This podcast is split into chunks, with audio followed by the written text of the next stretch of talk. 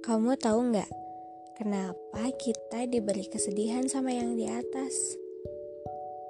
Semoga baik-baik aja ya. Kalau nggak pun juga gak apa-apa. Jangan sedih terus. Kamu itu hebat banget. Udah mau bertahan sampai sekarang. Jangan gini terus ya. Banyak yang sayang sama kamu. Termasuk aku kembalilah kuat seperti dulu lagi. Jangan biarkan hidupmu hancur karena satu orang ya. Karena Tuhan tahu kamu hebat dan bisa melalui kesedihan ini. Percaya deh, kalau dia emang yang terbaik buat kamu, pasti dia akan kembali ke kamu. Dan kalau dia nggak kembali, ya udah ikhlasin aja. Karena semua udah diatur sama Tuhan. Mungkin dia bukan yang terbaik buat kamu.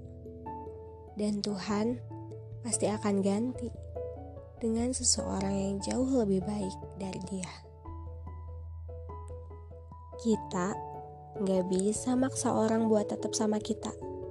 Karena dengan seiring waktu percaya apa enggak setiap orang pasti akan berubah. Dia akan tetap bersamamu jika ia memang yang terbaik buat kamu. Begitupun sebaliknya. Tuhan udah ngatur semuanya.